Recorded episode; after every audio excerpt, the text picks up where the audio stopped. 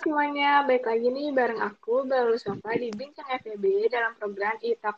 Kali ini kita bakalan ngobrol lagi nih sama pebisnis muda yang dari SMA sudah mulai bisnis kecil loh. Yuk langsung aja kita kenalan. Halo. Hai, nama aku Naifa. Aku dari MBTI 2019. Boleh tahu bisnisnya di bidang apa? Kalau sekarang aku lagi berkecimpung di bidang kecantikan, aku jualan masker organik. Oh, terus aku dengar-dengar kamu udah mulai bisnisnya dari SMA ya? Oh ya, kalau misalnya mulai bisnis tuh emang dari SMA. Kalau misalnya dari SMA itu aku nyediain bisnis jasa, yaitu bisnis print. Dan itu bukan bisnis yang benar-benar aku jalanin, cuman kayak pengen ngebantuin temen sekaligus dapat uang. Terus yeah. udah dari situ uh, kalau misalnya beneran mulai bisnis banget pas semester 1 pas waktu udah masuk kuliah. Tapi itu tuh kayak cuman sebulan dua bulan doang. Terus uh, selanjutnya karena Mm -mm. dan selanjutnya karena aku di asrama jadi aku bingung kan harus kayak gimana gitu jalannya. Yeah. Kan kalau misalnya bisnis kan emang harus kayak fokus gitu kan pas waktu semester 1 sampai semester 2 tuh kayak belum nemu harus gimana gitu. Jadi kayak ditinggalin aja gitu bisnisnya. Iya, jadi kayak masih bingung gitu ya sama keadaannya ya. juga karena baru-baru juga kan ya. Iya, masih bingung banget. Terus baru bener kayak beneran niat dari hati itu baru pas waktu liburan panjang ini dua bulan yang lalu lah. Iya, iya. Terus gimana sih bisa kepikiran kayak bisnisnya masker gitu, kayak kecantikan gitu? Jadi awalnya tuh kan aku emang suka kecantikan gitu kan, dari kayak make up terus perawatan kayak gitu-gitu emang suka udah dari lama banget. Nah, kayak semacam hobi gitu gak sih? Tapi aku mikir kayak kenapa sih hobi aku tuh karena aku suka, kenapa nggak dijadiin uang juga gitu untuk penghasilan yeah, iya, iya. sampingan? Yeah.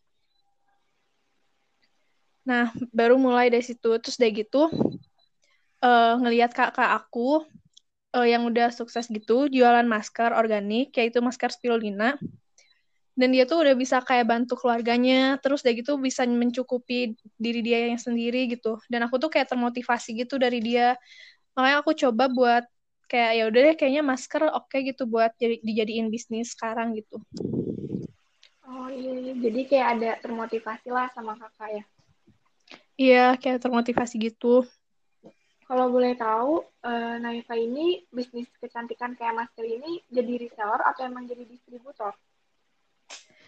Kalau masker ini tuh aku ada dua sih. Aku ada yang megang jadi distributor sama yang megang jadi reseller. Kalau misalnya untuk distributor, aku pegang masker Tiens, yaitu masker spirulina. Kalau misalnya reseller, hmm aku uh, pegang produk Mahira Beauty yang kayak buat peel off, masker peel off, terus sama Daisy Organic, terus Mirsa ID. Nah, kayak gitu. Oh iya, iya. Perbedaannya nih yang Naifa rasain. Naifa menjadi distributor sama reseller di bisnis Naifa. Enaknya di mending di distributor atau jadi reseller? Kalau untuk sekarang ya, kalau dari keuntungan, dilihat dari keuntungan, distributor lebih enak karena keuntungannya benar-benar gede banget lah. Tapi kalau misalnya ja kalau jadi reseller tuh kita nggak usah terlalu stok banyak barang. Terus dari gitu hmm. juga modalnya dikit dan perputarannya lumayan lah. Kita juga bisa dapat promosi dari distributor yang kita ambil barangnya. Kayak misalnya kan kalau distributor yang aku ambil barangnya tuh biasanya followersnya udah banyak dan lumayan lah kita bisa ikut promosi di dia gitu akun kita juga. Jadi dibantu promosi juga ya sama distributornya. Iya, dibantu promosi juga. Nah, itu sih keuntungan jadi resellernya. Oh iya iya, tapi kan aku pernah dengar-dengar ya katanya emang jadi reseller itu emang lebih enak dibanding kayak distributor gitu loh. Tapi pendapat Naifa itu kayak gimana? Mending emang kerasa gitu enak jadi jadi enakan reseller atau distributor? Kalau yang aku lihat dan pelajarin mah ya, uh, kalau misalnya jadi distributor emang enak karena si distributor ini benar-benar terpusat. Jadi kayak kita tuh benar-benar terkoneksi sama pusat gitu untuk promosian gede-gedean. Pusat yang megang kendalinya nggak sih? Jadi kayak Oh iya, iya. dari pusat tuh mencar lagi ke distributor langsung gitu. Hmm, iya, iya, iya, ngerti. Produk apa pun gitu kan. Tapi distributor Iya. juga eh kayak tanggung jawabnya besar gitu. Kayak misalnya distributor kan harus punya reseller ya. Iya. Nah, distributor ini tuh punya tanggung jawab yang besar gitu kayak eh mengir distribu ngebedistributorin si produknya ke reseller. Jadi kayak harus cepat gitu dan emang kayak tanggung jawabnya gede gitu. Karena kan reseller Iya. juga butuh untuk jualan lagi kan. Jadi kalau misalnya ada distributor yang kurang niat kayaknya backlist. Iya sih, emang bener. Maksudnya Jadi kalau kayak kalau distributornya lambat juga kasihan ke yang jadi resellernya juga ya. iya kasihan jadi yang resellernya. Jadi pokoknya menurut aku distributor eh tanggung jawabnya gede lah. Tapi kalau misalnya jadi reseller keuntungannya kecil tapi tanggung jawabnya nggak banyak gitu. Kayak cuman mikirin diri dia sendiri aja. Mungkin kalau jadi reseller mungkin kayak cari aman lah ya. Kayak maksudnya eh, dia pun nggak eh, walaupun keuntungannya kecil tapi tanggung jawabnya nggak terlalu besar mungkin ya. Iya, kayak gitu. Kalau misalnya emang mau ngerintis usaha sih, menurut aku mending jadi reseller dulu karena udah mah pertama nggak usah keluar modal gede, terus tanggung jawabnya juga kecil gitu. Kayak bertahap ya. Iya, bertahap. Nah, tadi kan eh, Naifa bilang keuntungannya itu emang di apa namanya di reseller itu lebih kecil lah ya bisa dibilang. Nah, maksudnya perbedaan emang dari distributor keuntungannya berapa lipat dari reseller kalau bisa dibilang gitu. Kalau distributor, kayaknya sekitar 50 persenan ya. Oh iya iya. Kalau misalnya reseller tuh paling 30 persen deh keuntungannya. 30 Oh, persenan. berarti kalau distributor hampir setengahnya lah ya. Iya, hampir setengahnya kalau jadi distributor. Hmm, gitu. Nah, kalau misalnya eh, kan bisa dibilang masker itu banyak ya Naifa kayak saingannya sama lah gitu kayak bisnis-bisnis yang lain mau di fashion mau di mana gitu kan tetap saingannya banyak. Nah pasti kan setiap eh, bisnis masing-masing ada kayak eh, apa ya karakternya lah kayak ciri khasnya sendiri yang bikin si konsumen tertarik gitu kan. Nah di bisnis Naifa ini apa sih yang bikin orang tertarik gitu kan? Bisa dibilang kayak masker itu sama ya kayak manfaatnya pasti sama. Dan maksudnya apa yang bikin Naifa biar dikreatifin lagi gitu? Apanya? Apa packagingnya? Atau emang eh, desain dari IG-nya fitsnya atau kayak gimana? Nah, kalau buat konsumen tertarik sama kita tuh, aku fokus di pertama tampilannya dulu ya, kayak Instagram, di feed-nya tuh benar-benar kita tuh modif lagi gitu. Kalau misalnya kita dapat foto katalog dari distributornya begitu, ya kita jangan males lah buat kayak mengubah itu gitu, supaya kasarnya bisa menjual lebih mahal di- dari harga standar. Terus kayak gitu juga yang kedua dari packaging, dari pa- mulai packaging, terus kayak gitu aku pasti kasih logo di packaging itu kayak logo Instagram aku dan di dalamnya aku selipin kayak thank you card gitu. Jadi dia tuh kalau misalnya udah beli tuh bisa kayak misalnya temennya ada yang mau beli lagi juga bisa ke aku gitu karena aku udah kasih thank you card itu sama eh, kontak aku di situ gitu.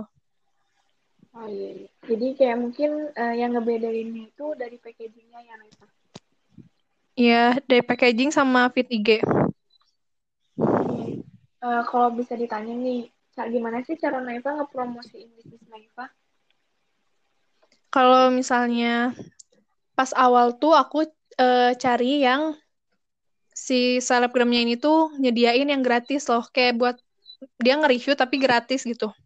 ya paling dikasih barangnya ya Iya, mulai dari yang kayak gitu dulu, kayak gratis terus kita kasih barang dia review, ya lumayan lah buat seenggaknya nambahin highlight kita gitu di Instagram supaya trusted-nya bertambah gitu kan.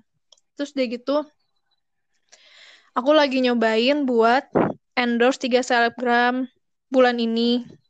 Tapi belum diposting, tapi kayaknya akhir-akhir bulan ini gitu dipostingnya.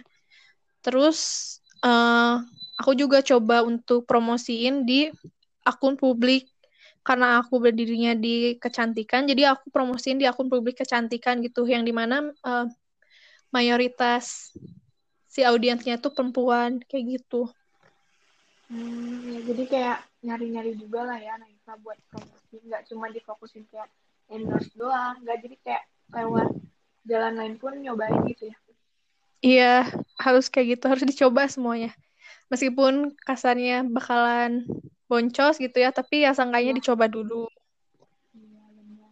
Nah, selama Naifah ngebangun bisnis ini, eh, Mas Krini lah, apa sih ada permasalahan apa di bisnis Naifah? Kayak mungkin yang pertama yang aku dapetin kayak distributornya lelet parah. Oh, Jadi iya, iya. menghambat bener-bener kayak gak gercep gitu, kayak gak niat jadi distributor. Suka gemes gitu ya kalau kayak gitu.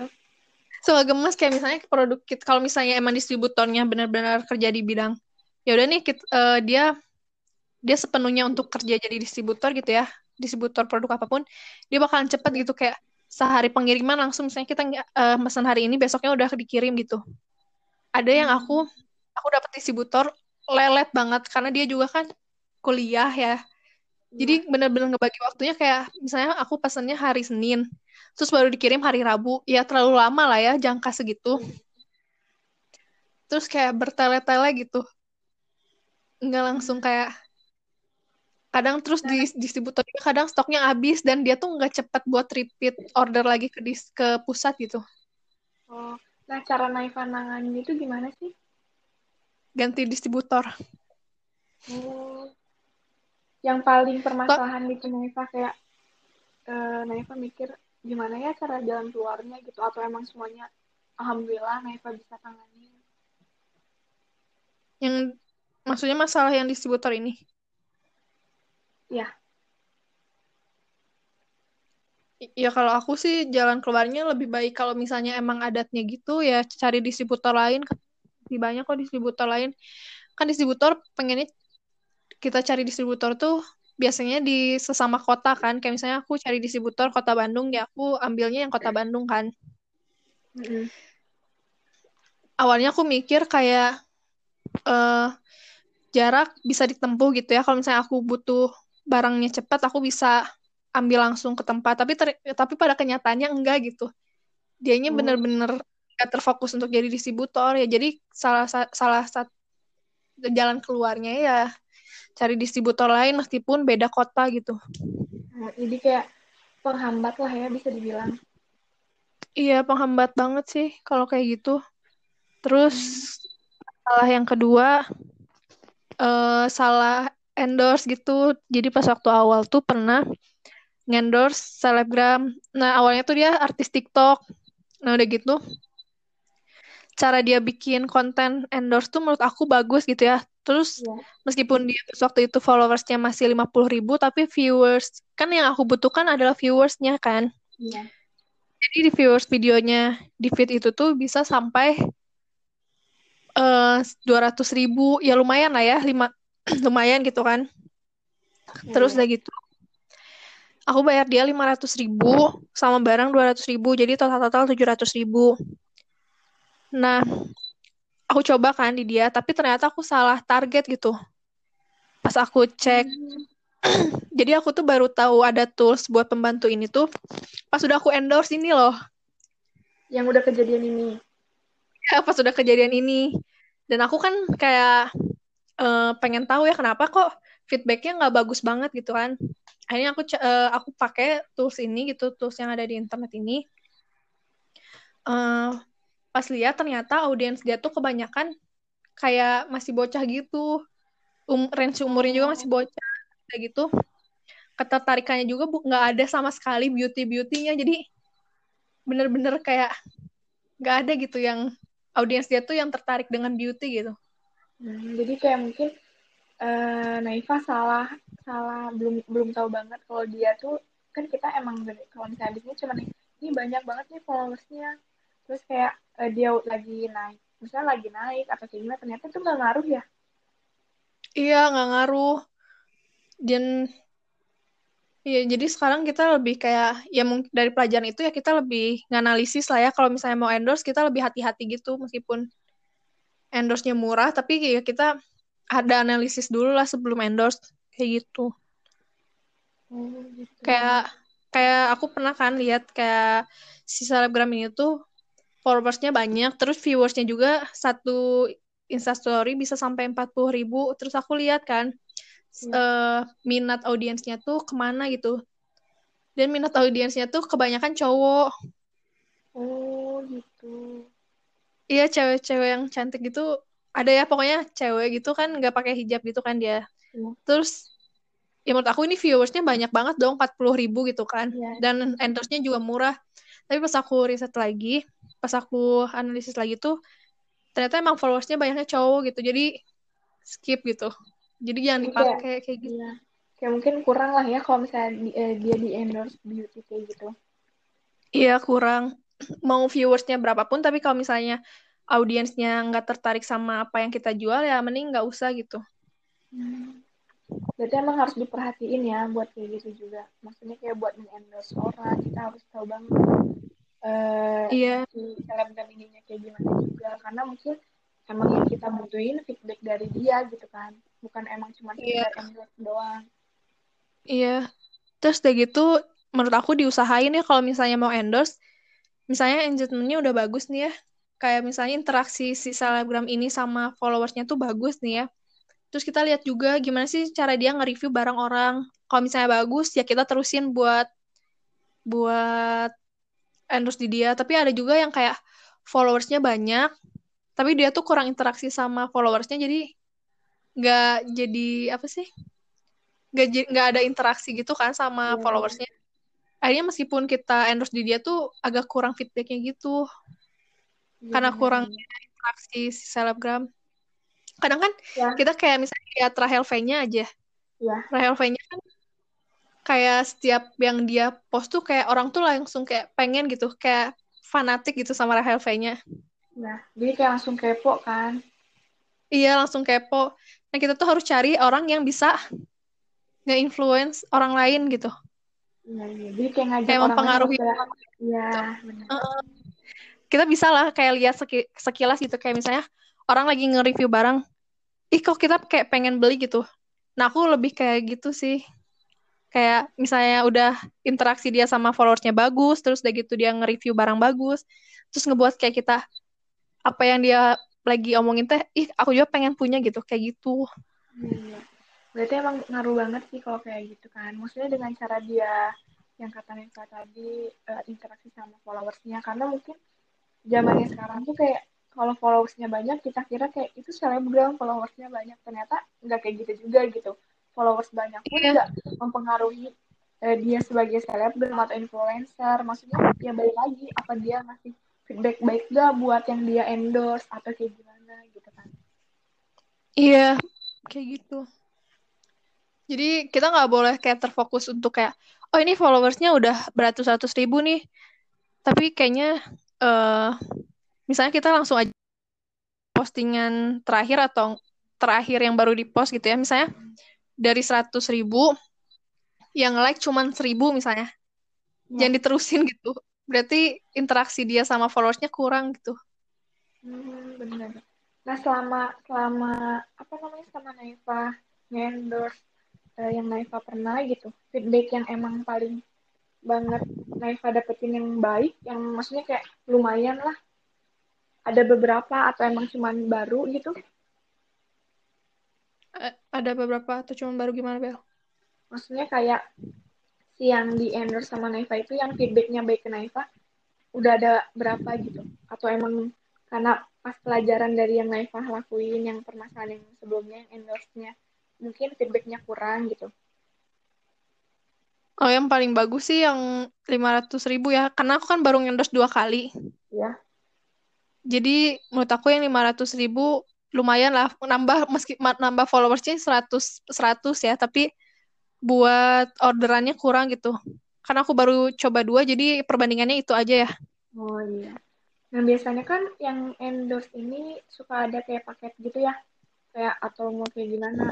Nah, Neva mending yang kayak udah nyobain dulu sekali karena pengen lihat dulu ya feedbacknya atau emang kayak langsung nih kayak percaya dia bakal bisa atau emang kayak yang tadi aku bilang cuman kayak sekali dulu nyoba gitu. Aku pernah baca dari sumber lain tuh, mending sekali-sekali dulu aja dicobain. Kayak misalnya selebgram A, selebgram B. Jadi itu supaya tahu gitu perbandingan-perbandingannya. Kalau misalnya emang si selebgram yang awal bagus ya kita bisa endorse lagi ke dia gitu. Jadi Hmm. kalau emang mau awal-awal mah ya cobain dulu aja satu-satu gitu. Oh, iya, iya. Nah, selain di endorse eh, promosinya, Naifa nyobain di kayak di Shopee atau Tokopedia gitu?